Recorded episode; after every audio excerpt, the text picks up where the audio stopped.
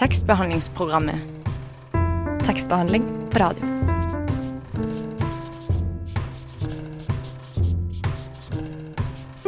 Tekstbehandlingsprogrammet.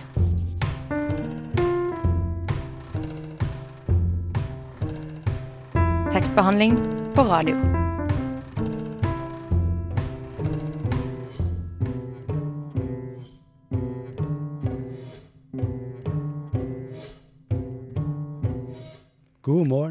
Velkommen til tekstbehandlingsprogrammet.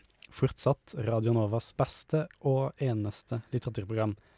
Jeg heter Robin Vanneballe, og med meg i studio har jeg Malene Storusten. Hei, Hallo! hvordan går det? Det går veldig fint. Uh, og ja, åssen går det med vårfølelsen og sånn nå at uh, det begynner? Uh, vårfølelsen er veldig, veldig fin. Men den innebærer også en del sånn eksamensstress og siste oppgaveinnleveringer og sånne ting. Ja. Så jeg klarer liksom ikke helt å nyte det helt ennå, men jeg gleder meg veldig Ja. til, til liksom resten av våren når jeg er ferdig med eksamen. Og sommeren, da, selvfølgelig. Ja, det gir også litt energi da å se liksom blomstene. Eller, Ja, blomst... Ja, ikke sant. Løve, Sol og ja, blomst og Det hjelper litt. helt enig. Du er ikke så trøtt lenger, rett og slett. Man går ikke rundt og liksom Åh, nå skulle jeg gjerne lagt meg nedpå en liten time. Ja. På ettermiddagen. Det er veldig hjelpsomt akkurat på den ja, tida. på den tiden her, ja. Når du må lese. Mm. Ja, ikke sant. Uh, ja, men uh, i dagens sending så skal vi snakke om mysterier. Vi får besøk av Jan Gunnar Røise og Jan Sælid, to skuespillere som spiller hovedrollene i det stykket som uh, går på Nationaltheatret nå. Og hvis tittelen minner deg om noe, da er det helt riktig, for Mysterier er basert på boka Mysterier, som er av Knut Hamsun. Um, og vi skal spørre dem hvordan man gjør det. Hvordan lagrer man et teaterstykke fra en 100 år gammel bok, og hvordan fremstiller man romanens personer på scenen, og alt det der. Um, alt det skal vi snakke om etter den første låten. Her er Plastic Flowers med Angel Town.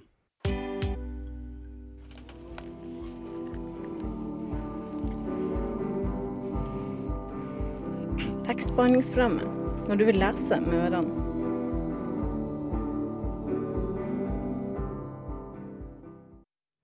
I fjor, midt på sommeren, ble en liten norsk kystby skueplassen for noen høyst usedvanlige begivenheter. Det dukket opp en fremmed i byen, en viss Nagel, en merkelig og eiendommelig sjarlatan som gjorde en masse påfallende ting, og som forsvant igjen like så plutselig som han var kommet. Dette er begynnelsen av den klassiske romanen 'Mysterier' av Knut Hamsun, en av de største og viktigste verkene i den norske litteraturen, kan man si. Og dette er også begynnelsen på et teaterstykke som går på Nationaltheatret akkurat nå, som også heter Mysterier, og som er basert på romanen av Hamsun. Uh, dette stykket, som ble dramatisert av den spanske regissøren Calixto Bieito, skal være tema for dagen, dagens sending. Og det er en hel rekke ting som vi lurer på her. Hvordan skaper man et teaterstykke av en over 100 år gammel roman, som dessuten alle kjenner og har lest, eller burde ha lest i hvert fall. Um, og for finne, for å finne svar på våre spørsmål har vi invitert til studio de to skuespillerne som spiller hovedrollene i stykket, Jan Gunnar Røise og Jan Sæli, velkommen hit. Tusen takk. Takk skal du ha. Uh, Jan Gunnar, jeg begynner hos deg. Ja. Du spiller Johan Nils Nagel, Mhm. uh, hovedrollen i stykket. Um, kan du forklare lytterne litt hva slags stykke mysterier er? ja, det er jo egentlig en roman. Uh, så vi, det har jo blitt gjort en ganske stor jobb med å lage det til å bli et stykke. Uh, regissøren har jo sittet rett og slett med gul tusj i romanen og streket ut det han vil ha med. Eh, så det, det er sånn han liksom har valgt ut Han kjente romanen veldig godt fra han var ung. Hadde veldig sterkt forhold til den. Og så valgte han ut liksom de sekvensene han ville ha med, eh, for å fortelle den på en måte sin versjon da, av Hamsuns roman. Og så må man jo finne et teatralt språk da, eh, som, som forsterker noen sider ved romanen. Og så løper man raskt forbi noen. og så Noe oppløser man og gjør urealistisk, og noe gjør man veldig konkret. Og ja, finne den miksen der. Og for uh, lytterne som ikke kjenner til det stykket, hva liksom, historien Ja, hva handler det om, ja? ja. Eh, det er rett og slett da en uh, mann, altså en gåtefull mann. Man får ikke vite så mye om hvem han er, eller hvor han kommer fra. Men han, som du nettopp uh, leste, så gjør han mange rare ting. Eh, han øh, forelsker seg i mange av, av damene og, og blir venn med mange av byens borgere. Men han, øh, han er litt Han mangler nok noen verktøy for å liksom jeg vet ikke om det er sosiale ting, eller om det er eh, Han har veldig, veldig mye inni seg som han ikke klarer å kontrollere. Så han ødelegger hele tida både de dameforholdene og vennskapsforholdene. Og, og går til grunne. Og, og byen Alle tingene i byen påvirker han, og han påvirker ting i byen, og så drar han derfra. Det, det er historien, tror jeg. Men uh, så kan det bety masse forskjellig som kanskje du har tenkt på. ja. Det får vi se. uh, ja, uh, Jan Særlid, du spiller jo en veldig merkelig karakter som heter Minutten. Ja. Eh, det jeg lurer på, det er med mysterier Hvorfor eh, tror du akkurat denne her ble oppført på scenen? Hvorfor mysterier? Ja. Boka 'Mysterier' blir tatt øh, øh, Nei, det, det, det er et godt spørsmål. Det er vel en kombinasjon av øh, Calixto, som kjenner boka fra før av, og er veldig glad i den, og at de kanskje hadde lyst til å gjøre noe Hamsun. Det her er litt sånn øh, hva de prater om på På- Oppe i øverste etasje. ø- øverste etasje. Ja, hvilke stykker man skal prioritere. Ja, ja, hva, hva, hva repertoaret blir, da. Det, det, det vet jeg vel egentlig ikke. Det vet vel kanskje ikke vi helt. Hva, hvilken prosessen fram til mysterier er. Nei, men Calixto, har, han spanske regissøren, har sagt at han hadde et veldig sterkt forhold til boka helt siden han var 18 år. Så har de sikkert hatt et møte opp på teatersjefens kontor. Altså, hva kunne du tenke deg å gjøre? Så, Ja. så plumper det frem som et av forslagene. Altså, det er sikkert et eller annet Hamsun-år. Er det ikke alltid et eller annet år? Det er jo det. Det er jo alltid et eller annet år. Men Hamsun-året, jeg tror ikke det er Det er er det, ikke i Hamsun-året i år. Nei. Nei, men det er, en, det er jo en veldig sterk sak som mange i Norge har et forhold til. Og, og så Ibsen breier seg jo alltid. Nei, vi må rydde litt plass til Hamsun òg. Var det noe spesielt i den romanen som, som egner seg spesielt til å bli fremført på, på teatret? Tenker dere, eller? Nei, det er ikke, rett og slett ikke noe særlig Det er jo ikke noen Det er jo ikke, eh, det er jo ikke skuespill. Det er jo en roman. Så det er jo Man skyter seg sjøl i foten eh, for å bruke Hamsun eh, med en gang man prøver. Det er på en måte helt umulig. Men Hvorfor, hvorfor? Hvorfor? Det er fordi det er en kjempetjukk roman som, som er veldig assosiativ og, og veldig Hamsun skrev den som, som, som stream of consciousness-prosjekt. Og hvordan skal man gjøre det på scenen, liksom? Da må man velge replikker, og man må, liksom, man må kutte det ned. og man må, må være mm, Man kan ikke liksom legge fra seg stykket og så ta opp igjen i morgen, sånn som man kan med en bok. Man må fortelle det her på tre timer. Så det er, det er mange ting som må liksom klaffe med en gang. Ja, han hopper jo veldig mellom to eh, Han forteller jo Den ene, ene er jo forteller om det som skjer, altså byen og handlingene. Og så er det den andre delen som er Nagels hode og tankene hans og sånne ting. Der er den ganske moderne. Det er vel den delen av boka som er ganske moderne fra, på den tiden. Ja. Altså den ja, det tankespinnet som han holder på med, Nagel. Ja. Så, men det, det Calixto har gjort, som er det store grepet for å, for å ja, Når man skal dramatisere en roman, så er man nødt til å rett og slett ta bort noe. For å få tid til å gjøre det. Eller få plass eller tid eller alt mulig. Og da kan man enten ta vekk karakterer. Eller storylines. eh, rene, store storylines. Eller Det han har gjort her, er rett og slett at han har fokusert på Nagels hjerne. Altså tanke, tankesett. Og det er også scenografien er også laget en slags algori på hans hjerne. Altså Ja, det er den en der konstruksjonen ja, som- det er ja. masse stillaser som står ved siden av hverandre, som blir et sånt nettverk, og der er det masse mennesker som går inni. Så det er, det er på en måte Han har valgt å fokusere på, på, på Nagels uh, hjerne, og, og ikke så mye på alle de småhistoriene som er i, som er i byen. Og det er, det er en økonomisk sak, det er, og det er han valgt. Det er hans måte å se romanen på. Det var jo det du lurte på, Robin. Hva det betød. Det, altså scenografien der. Ja, den Er det hjernen, det, da, kanskje? Det kan Det skal det også være, Det- på en måte. Ja, det har, det har vi tenkt, eller regissøren tenkt, da. Uh, som en tolkning. Nå, nå skal ikke vi presse den tolkningen på folk, men det er den vi bruker som vårt kart, altså. Men man kan lese det på andre måter òg.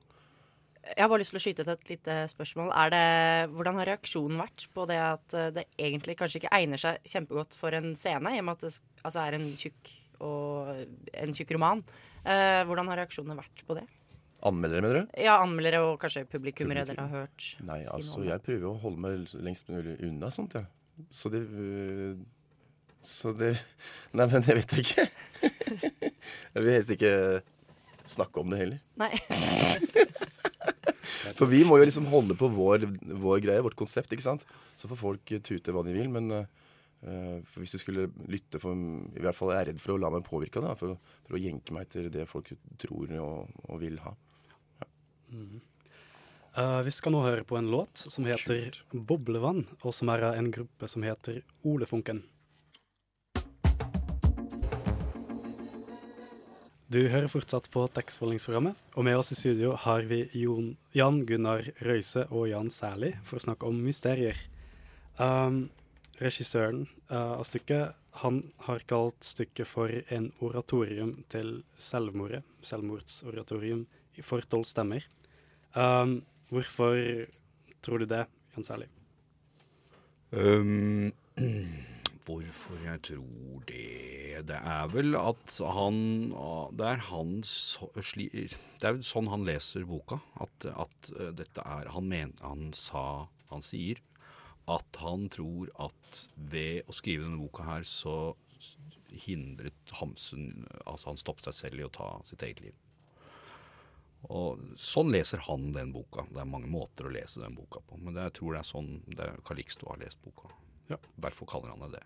Var det liksom din personlige visjon på det, hvis jeg kan spørre om det? Er det Min versjon av boka? Ja. Nei, jeg, jeg, vet ikke. Jeg, jeg, jeg, har jeg, liker ikke å tolke legge tolkninger på bøker, jeg, egentlig. Jeg, jeg liker at de er åpne, at jeg kan tolke mange forskjellige ting i dem. Eh, eh, jeg er veldig opptatt av struktur. Jeg, er liksom, hvordan er det bygd opp og, sånne ting, mer enn hva det, tematikken er. Altså, jeg kan se masse tematikk i boka, men jeg har ikke lyst til å eh, ja, Ja. hamre det inn, på en måte. Nei. Hvis jeg kan si noe om det? Ja.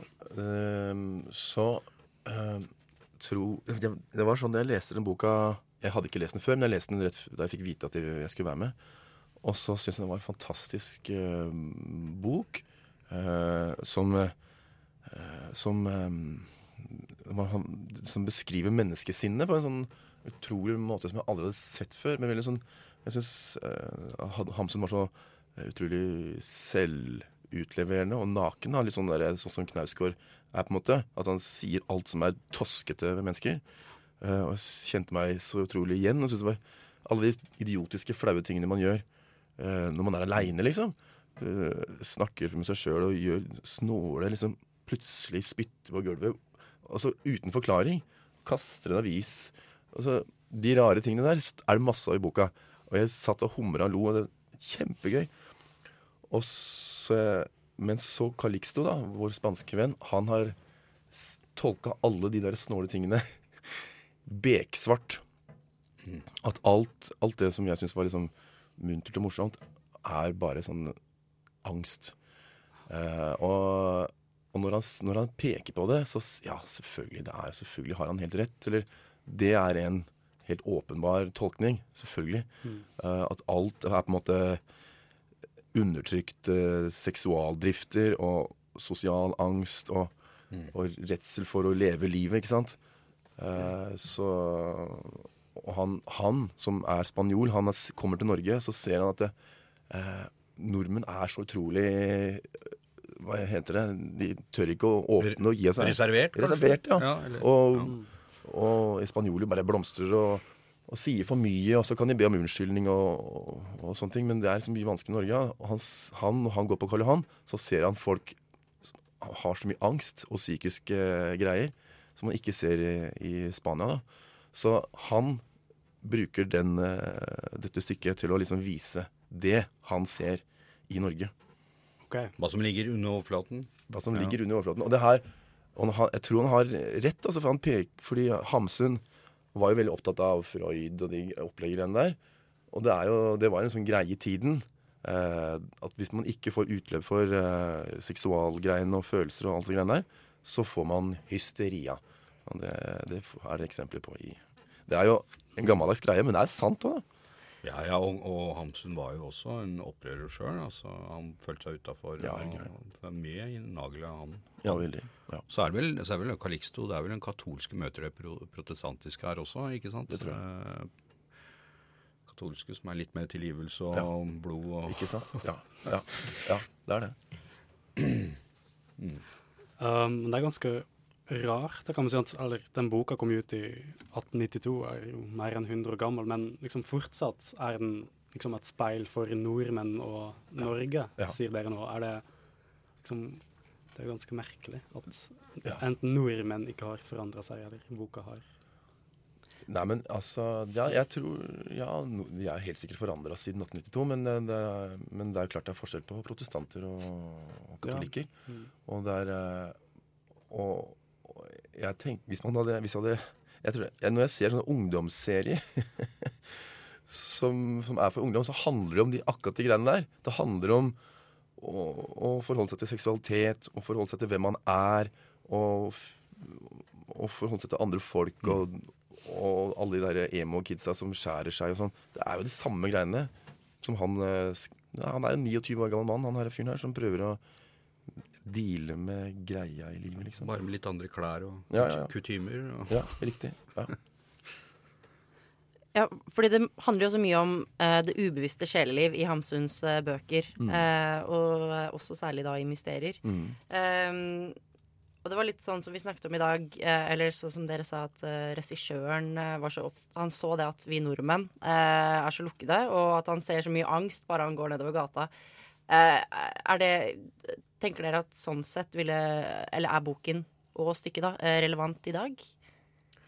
Ja, altså det er jo det. Det er ikke noe sånn der, eh, peker jo ikke på noe dagsaktuelt, men den peker jo på mennesket. Og, og det er jo mange som snakker om at vi har jo mer psykiske greier eh, enn mer enn noen gang. Sånn, mm. Ungdommen har jo så mye krav med sosiale medier og hvordan man skal se ut og alle de greiene der. Det er nettopp derfor boka funker i dag også. Fordi han, den er ikke eh, spesifikk i forhold til den tiden. En hendelse som hendte da, som bare kunne ha hendt da. Det er menneskesinnet, liksom. Så den, den er veldig lett å flytte hvis du bare bytter ut klærne og, Ja. og putter inn noen bil, biler, liksom. Så, Ja. så, så er det veldig lett å bare flytte det. Altså, vi har små samfunn i dag hvor det kommer en fremmed inn. og ikke sant? Det, det er veldig lett å overføre, da. Man kunne lage, laget en helt moderne variant, Ja, sikkert. helt klart. Ja. Hvis man f.eks. en TV-serie. Ja, helt klart. Ja. Twin Peaks er Twin jo Peaks- veldig Twin Peaks er jo inspirert av det her. Der kommer det jo en mann inn til et skikkelig snålt samfunn. Og det er hele, det er, han David Lynch var veldig inspirert av det. Det visste jeg faktisk ikke, men Nei. det er veldig gøy. Ja, Ja, Eller det, det- er, det er faktisk mye eh, skrudd eh, i den eh, romanen, altså. Og det er mye Twin Peaks der. Ja, det er det. Den der baklengsdansinga, og det er drømmer og snåle ting. Altså. Ja. Men, men tror dere ikke spanjoler, bare for å ta det, da, med at regissøren uh, syns at vi er så innestengt eh, Tror dere ikke spanjolene har dette ubevisste sjelelivet? Hvis man tar en Jo, spanjol som er alene, og en nordmann som er alene, hvordan ville det vært? Jo, jo, nå er jo Kalisto en som har opplevd ganske mye, da. Vært gjennom eh, katolsk eh, ja, presteskap og alt mulig. Eh, og, og, og han ser han, han ser vel bare Han vil vel bare få oss til å se på oss selv, da. Ja. På en måte. ja, men det er sant. Det, Altså, den, det treff, boka treffer jo han, egentlig. Det treffer jo han så, så Ja, ja, sterkt. så det suser. Ja, det gjør det, altså. Eh, ja. Nei, nei, men, nei, men det er nok ikke, det er ikke bare for nordmenn. Det er litt, jeg, jeg, når du sa det der, når du leste den i ungdommen, så var jeg også veldig Jeg så veldig humoren. Ikke sant? Jeg var veldig opptatt av Hamsun da jeg var i sånn 20-åra. Da Ja. leste jeg liksom Sult og, Ja. og sånn. Da så jeg humoren og sant? den der eh, vridde greiene med det mørke som han nå Ja.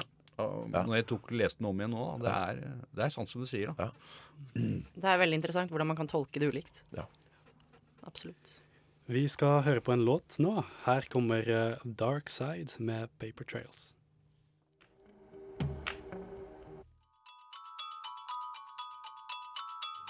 Du lytter til Radio Nova på FM 99,3. Her i tekstbehandlingsprogrammet har vi Jan Gunnar Røise og Jan Særlig på besøk. De er her for å snakke om mysterier av Knut Hamsun som spilles på Nationaltheatret. Og vi har en eh, gledelig nyhet, for de, har, eh, de går med på å spille litt her i studio. Eh, de, ja, det kommer en scene um, fra begynnelsen i stykket, da um, minu- uh, Nagel akkurat har kommet til byen og vært på hotellet og sett litt på innbyggerne der. Og um, han møter også Minutt der, som blir uh, mobba. Minutten er liksom uh, galningen eller noe sånt i, i bygda, kunne vi si, på en måte. Og så inviterer uh, Nagel Minutten opp til rommet sitt. Kunne de for en viss sum la dem innskrive som barnefar eh, til et barn de ikke var far til? For en mindre sum? La oss si 50 kroner, eller eh, et par hundre kroner? Jeg kunne ikke det. Jeg skulle i så fall utrede pengene kontant. Nei, det hjelper ikke. Jeg, kan- jeg kan ikke gjøre det. Jeg kan ikke tjene med det. Hvorfor egentlig ikke? Nei, men Be meg ikke, vær så snill. Jeg er et menneske. Jeg vil med glede gi dem denne tikronen, fordi de ikke vil gjøre dette som jeg foreslo dem. Jeg vil dessuten gi dem enda en tikrone, hvis de vil gjøre meg den fornøyelse å motta den. De gir meg glede med det, vær så god. Takk. Oppriktig takk. Han var et oppriktig De, de, de, de kjente kanskje også den Carlsen som han fant død her borte i skogen forleden? Jo, jeg skulle mene jeg kjente ham. Prektig menneske og edel karakter. Vet du hva han sa til meg en gang? Eh, Jeg ble kalt til ham en søndag morgen. Det er vel et år siden, og i mai i fjor. Eh, Men så ber han meg bringe et brev for ham, og ja, sier jeg, det skal jeg gjøre. Men så stikker han meg i hånden, i smug, en krone, og, og leverer meg brevet. Og da jeg allerede var kommet ut på gangen, så, så, så, så river han døren opp bak meg, og, og jeg snur meg, og han stråler sånn i hele ansiktet at jeg stanser og ser på han. Og hans øyne er fulle av vann. Og så, så griper han om meg og, og sier at jeg skal nok aldri glemme deg, gamle menn, for når jeg blir prest og får et kall, så skal de være hos meg hele tiden. Og så brakte de brevet. Ja. Og ble frøken Kielland glad da hun fikk det? Hvordan skal du vite at det var til frøken Kielland? Hvorledes jeg kan vite det? De sa det jo nettopp selv. Sa jeg det selv? Nei, det er ikke sant. Er det ikke sant? Tror du jeg sitter her og lyver for dem?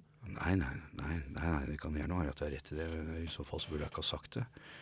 Det skjedde av vannbare. Nei, sa jeg det virkelig? Hvor, hvor, hvorfor egentlig ikke? Forbydde han dem da å si det? Nei, nei, ikke han. Men hun? Ja. Mm, Det er godt. Det er godt. Det skal være gjemt hos meg. Takk for denne gang. Takk for det. Kult. Tusen takk. takk. Men uh, dere blir jo nesten nødt til å forklare litt hva vi akkurat hørte på, da. Ja, det er jo Vi er inne på hotellrommet til denne Nagel som jeg spiller. Så han leier seg inn på et hotell i byen. Vet ikke hvor lenge. Eh, og så er han vitne til at Minutten, eh, som er en jeg vet ikke, byoriginal eller et eller annet Ja, en, ja, en bioriginal. En Ja. byens hakkekylling, kan man si, og en bioriginal. En Ja. tidligere seiler som har skadet seg og, og fått brokk og, og dette ned fra master, og nå er han en særing. Ja, Så han blir mobba og må tvinges til å drikke øl og sånn. Og så, Ja. og så kommer Nagel bort til han og sier han, inviterer han opp da, så, opp på hotellet. Og så, og så får han vite litt forskjellig om, om byen. Det er veldig redusert, denne scenen, da, men Denne scenen er ganske lang i boka. Uh, det, er, det, er, det er på en måte der han får den først, de første, første informasjonen om byens innbyggere da, gjennom og, og, og der blir liksom dette båndet mellom de to skapt, og at, at, at minutten da blir en slags uh, informant i- i- Hva er det her for noe? Informant. Informant, ja. Ja. For, for Nagel. Og han spør han om eh, informasjon hele tiden. Og, Ja. Og det- og han får også vite om mer om Dagny gjennom, gjennom minutten. Fordi Dagny er kanskje en av de er som få som er snill med minuttene. i byen. altså, de blir jo veldig De blir gode venner, tror jeg. Og eh, Nagel gir ham en ny frakk. Som Den Den forrige frakken ble ødelagt i mobbesekvensen der.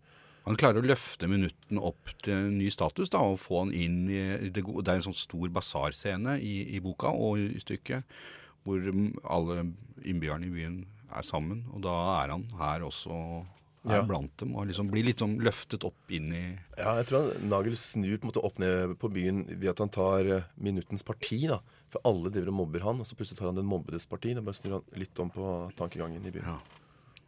Hvorfor um, gjør han det, eller hva, hvor kommer dette, den, dette båndet fra mellom Nei, altså jeg har, tenkt, litt- jeg har tenkt litt på akkurat det der. Og, um, jeg tror kanskje at Nagel de, Dette er min tolk... Nå, nå, nå tolker jeg, OK?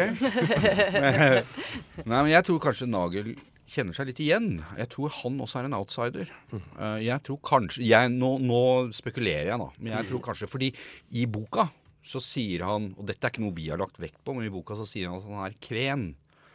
Og det er da en eh, finsk eh, eh, finne, eh, minoritet på den tiden der, som ble sett på som eh, ganske lavtstående eh, outsidere, altså. Og at Knut Hamsun da kaller han en kven, og når vi da tenker på Hamsun selv, som så på seg selv som en outsider Så, så jeg, jeg, jeg har en følelse at Nagel kanskje ser noe av seg selv i han. At han ved å på en måte hjelpe han også hjelper seg selv. Altså, jeg vet ikke. Eh, tenker Helt- jeg, da. Det tror jeg også. også. Men for å bare løfte det ett eh, sånn metanivå, da, så har eh, vi lagt opp til at alle de her figurene i stykket på en måte er sider ved Nagel selv. Og det tror jeg faktisk eh, er en, en, en spire til et eller annet i psykologien òg. Jeg tror det her Nagel har et eller annet, eh, en eller annen term i psykologien. Det å speile seg selv i andre.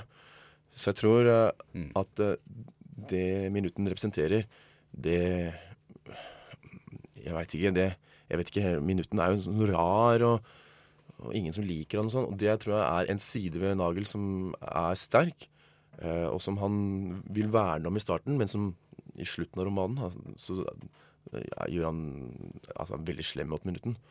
Eh, så ja. Så det er vel sånn han forholder seg til seg selv. Da. Man, man vil jo på en måte Man vil jo på en måte Man har de stygge sidene, men man vil, ja, vil også kvitte seg med det. Han prøver vel på en måte å forandre ting utenfor seg selv, eh, men så bare vrenger han seg selv kanskje mer og mer opp og blir bare verre og verre selv. Altså han klarer ikke å Han prøver å gjøre det ut utenfor seg selv, da, Ja, kanskje med ja. å prøve å stoppe og gå løs på seg selv, på det hatet han har kanskje overfor seg selv. Og så så rett og slett jeg tror, øh, Nå tolker jeg litt mer. Jeg tror at, jeg tror at øh, Dagny at, Da jeg tenker på den, kanskje du er enig, men jeg tenker at Jeg tror han har kontroll hele veien helt til han møter, ser Dagny og blir forelsket i henne. For der tror jeg ikke han har noe våpen.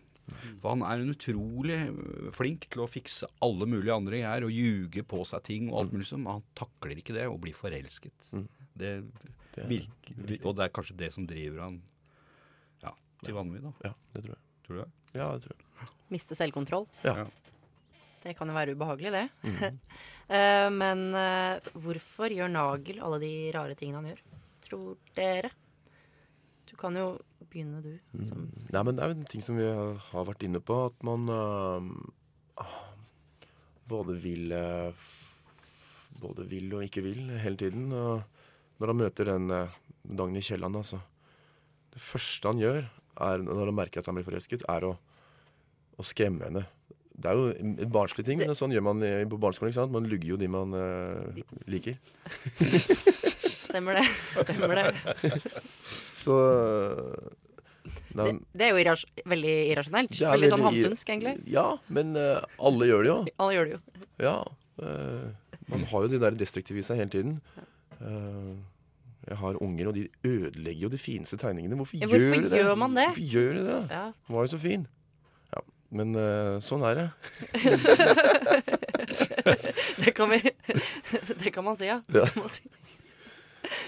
Nei, så han, har, han, har, Hamsun har hele tiden det derre ekstroverte, som er da Han er en utenforstående som kommer inn, og så har han det også det introverte, som er det indre livet. da. Som Mm. er, det er det, det som er så bra med, med de to lagene hans. altså. Ja, så det, det er, Man kan jo lese ham som en gal mann, eller at han har hva heter det, har de, altså han bipolar, eller eh, masse sånne merkelapper man kan sette på han. Men jeg tror jeg er kanskje ikke så veldig interessant, for jeg kjenner jo igjen tingene i meg sjøl. Jeg er jo ikke gærnere enn andre, tror jeg. Så jeg tror alle egentlig har disse tingene. Eh, At man, eh, man Ja, når man er forelsket og, og, og kåt det er, altså, det er jo det sexen som Calixto er veldig opptatt av. da. Eh, At Nagel han har ikke redskapene til å beherske det. Eh, og han prøver å tøyle det, men eh, da går det for langt, og så blir han kjempelei seg, og så ja, det skjærer seg. Jepp. Vi skal nå høre på en til låt uh, som jeg personlig liker veldig godt. Uh, her kommer Portishead med The Rip.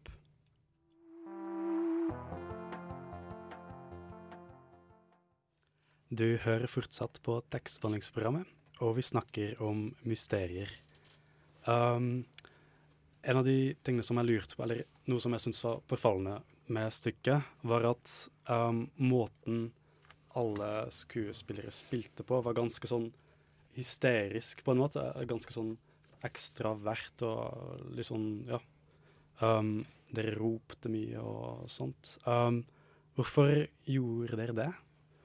Ja, godt spørsmål. Um, Det er jo regissøren som har kava oss opp, da. Uh, han uh, han hadde en veldig fin måte og morsom måte å, å instruere på, syns jeg. Som han, han, kommer, han har gjort veldig mye opera. Så han, han sier sånn Forte, forte, forte! Pianissimo! Han liksom, han dirigerte oss, liksom. Mm. Uh, han ville ha Og det er, en, det er jo for å få energi. Det er jo en roman. Masse forteller, forteller, forteller. Og for å holde publikum ved like, liksom, eller interesserte, så bruker han dynamikk helt bevisst. da. Uh, med kjempestort spill, og så har det lite spill, stort spill, lite spill. Men, uh, men jeg tror det også Også er det så er det uh, denne ekspressive, ekspressive stilen er for få. Det er jo mye Det er jo sex og død, begjær, alle de her svære tingene. Det må uttrykkes, liksom. Du kan ikke bare lese det opp fra en roman, liksom. Det må, ah, det må ut. Ja, for det som jeg tenkte, at alle, alle karakterene virket liksom gærne alle sammen, liksom på en måte. Mm. Da jeg så det. Var det bevisst? Ja, det var sikkert det. Nei, han er opptatt av at uh, alle damene går med korsett, ikke sant. Det gjorde de på den tida. Det, for de, det koker inni dem, men de har liksom samfunnet sier at de skal, de skal holde inni seg. Men når de endelig slipper ut, så ah, De vil jo leve, ikke sant. De vil jo elske og alt sammen. Så de, de, han slipper, slipper på en måte litt løs, han da. Eh, hva tenker dere Hva skjer når, når bok og tekst går over til eh, teaterscenen? Er det noe man kan miste, og er det eventuelt noe du kan Eller noe man kan tilføre, som du var litt inne på? Hva som kan gå tapt, og hva man kan vinne Ja, nei, det er jo veldig forskjellig da, i forhold til um, hvilken dramatisering og hvem som uh, så, Men jeg tenker altså i bunn og grunn, når man skal dramatisere en bok, så må man lage et nytt verk, tenker jeg. I bunn og grunn, egentlig. Altså, man må lage noe nytt, eller sin, sin egen, altså en tolkning. Det går ikke an å si vi må ha med den scenen og den scenen og den, for det er viktig. Det. er- Altså, du må lage en lesning av boken. Du må lage noe nytt. Altså din egen variant. Du kan liksom ikke Å, dette er eh, lydboka for de som ikke gidder å lese boka, liksom. Det, altså, du må liksom ha en Ja, du må lage et annet uttrykk, da, mener jeg. Eller ditt Ja, fordi, eget. ja, fordi alle, når de alle leser en bok, så leser man har forskjellige bilder i hodet uansett. ikke sant? Så vi får jo aldri, man får jo aldri lagd boka med stor B. Um, og det er et helt annet medium òg. Skal man lage maleri av boka? Hvordan skal man Den blir jo forskjellig uansett. Ja. Ja, også jeg mener. Ja, sånn er det jo og med alle filmer og TV-serier som er basert på bøker. Så det er legger til nye historier. Nye. Det er et helt annet medium. Og da, så man kan liksom ikke representere boka på den måten. Man kan ta, jeg tror det man kan gjøre, er at man kan ta S, altså bokas eh, Hva skal vi kalle det? Sjel? Eller bokas ID? Eller noe sånt. Og ta tak i essens. da. Og så prøve også Og så kan man egentlig kanskje skrive en helt ny tekst, men bare man tar vare på liksom essensen i boka. da. Så tror jeg Ja. Mm. Men hva som kan gå tapt? Ja, nei, det Det er en helt annen følelse av å lese en bok enn å sitte i en sal med mange hundre og, og se på noen som gebeider seg. Så det, det går jo det, det er noe helt, to forskjellige ting. Det er som å sykle og kjøre bil. Hva går tapt når man setter seg bak sykkelstyret? ja. Skjønner. Um, Jan, um, jeg vil gjerne spørre deg, hva likte du best med den karakteren som du spilte? Hva likte du best med Minutten? Og liksom, hvorfor sa du ja til å spille ham? Eh, jeg sa ja fordi jeg kjente karakteren, og fordi Calixto spurte meg etter um, Ganske tidlig, faktisk, etter Drømspill. Så hadde han tenkt å Uh, og så jeg syns det er spennende altså Det jeg liker, liker med karakteren Jeg liker uh, ambivalens. Jeg. jeg er glad i når man ikke vet om en karakter er ond eller snill, eller du lurer på har han gjort noe gærent? Har han ikke gjort noe gærent? Gjorde han noe med Martha Gude? Gjorde han ikke Jeg liker det, da. Jeg syns det er interessant. Og, og, ikke gi noe svar på det heller, men å kunne prøve å spille begge deler. Jeg syns det, det, er gøy, da, i samme rolle. Det syns jeg er spennende. Men hvis jeg kan si noe om det, så var jo det Hamsuns prosjekt egentlig òg, med den boka, eller ett av prosjektene, da, å vise at mennesker ikke er sånne mm. tredokker som de er i Ibsen-stykkene. Hvor det er liksom Alle har sitt prosjekt. Mm. Man har tusen prosjekter som går på kryss av hverandre hele tida, og man har alle sider hele tida. Uh, og det var ganske nytt på den tida, å mm. vise at folk var mangefasetterte, og at det var ikke noe fasit, på en måte. Uh, og det gjør jo stoffet veldig gøy å spille. Mm. Man kan spille forskjellig i hver eneste scene. Det er ikke noe som er uh, feil, på en måte. Mm. Og det er kanskje også grunnen til at du sa ja da til det, den svære og krevende rollen som Nagel. Ja. Nå har jeg, har jeg aldri fått et spørsmål om jeg ville eller ikke ville. Det er sånn jeg jobber på teater. men, men, eh, men, jeg var jo helt fantastisk eh, glad da jeg skjønte at den var påtenkt meg. Det er en og det var mange eldre kolleger som sa til meg at fy fader, fikk du den, ja. Hvis jeg hadde vært 20 år yngre. ja, det var litt sånn på slump at jeg Det var ikke sånn at å, jeg fikk vite Men altså, det, det, det, var rett og slett Jeg tror han forslakket seg litt ja. uh, når han nevnte for, Jo, for det har du Så begynte han å snakke om ja, den gangen jeg fikk vite det. da Så ja, jeg tror ikke han egentlig hadde tenkt å Jeg tror han gikk litt sånn utenom ja, der. Så det, man pleier ikke gjerne ikke få vite det før en måned før eller to uker ja. før. Ja. OK.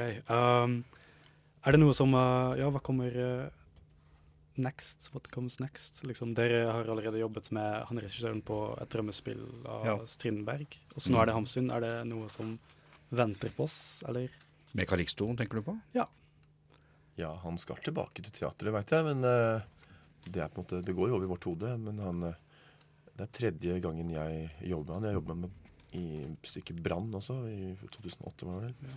Så han har jo begynt å få sin egen lille gjeng, sånn som mange regissører gjør. Så jeg har kjempelyst til å være med hvis han vil, vil en gang til. Men hvem veit.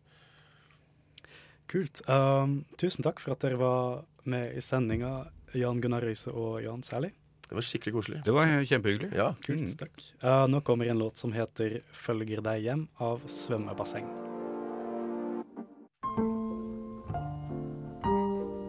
Tekstbehandlingsprogrammet hver onsdag på Radio Nova klokka ti. Det var faktisk alt vi hadde for uh, i dag til dagens sending. Um, men uh, ja, vi, det var jo gøy, syns jeg. Hva syns du, Malene? Jeg syns det var veldig, veldig spennende, det du fortalte ja. om. Ja. Det uforklarlige menneskesinnet. Ja. Det ubevisste sjeleliv. Og, ja. ja. Det var det. For uh, deg som uh, ikke har hatt radioen på før nå, det var veldig interessant. Uh, vi snakka om uh, stykket 'Mysterier', som går på Nationaltheatret. Og vi hadde i studio Jan Gunnar Røise og Jan Særlid. Um, ja, nå er det bare å si ha det. Um, Ut og nyte finværet, kanskje?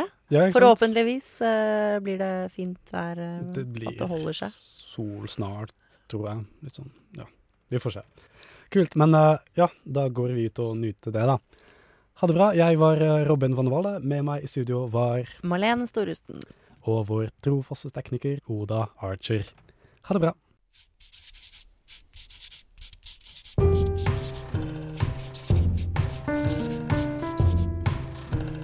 Tekstbehandlingsprogrammet. Tekstbehandling på radio.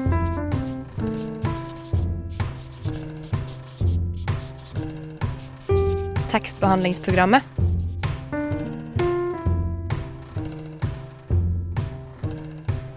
Tekstbehandling på radio.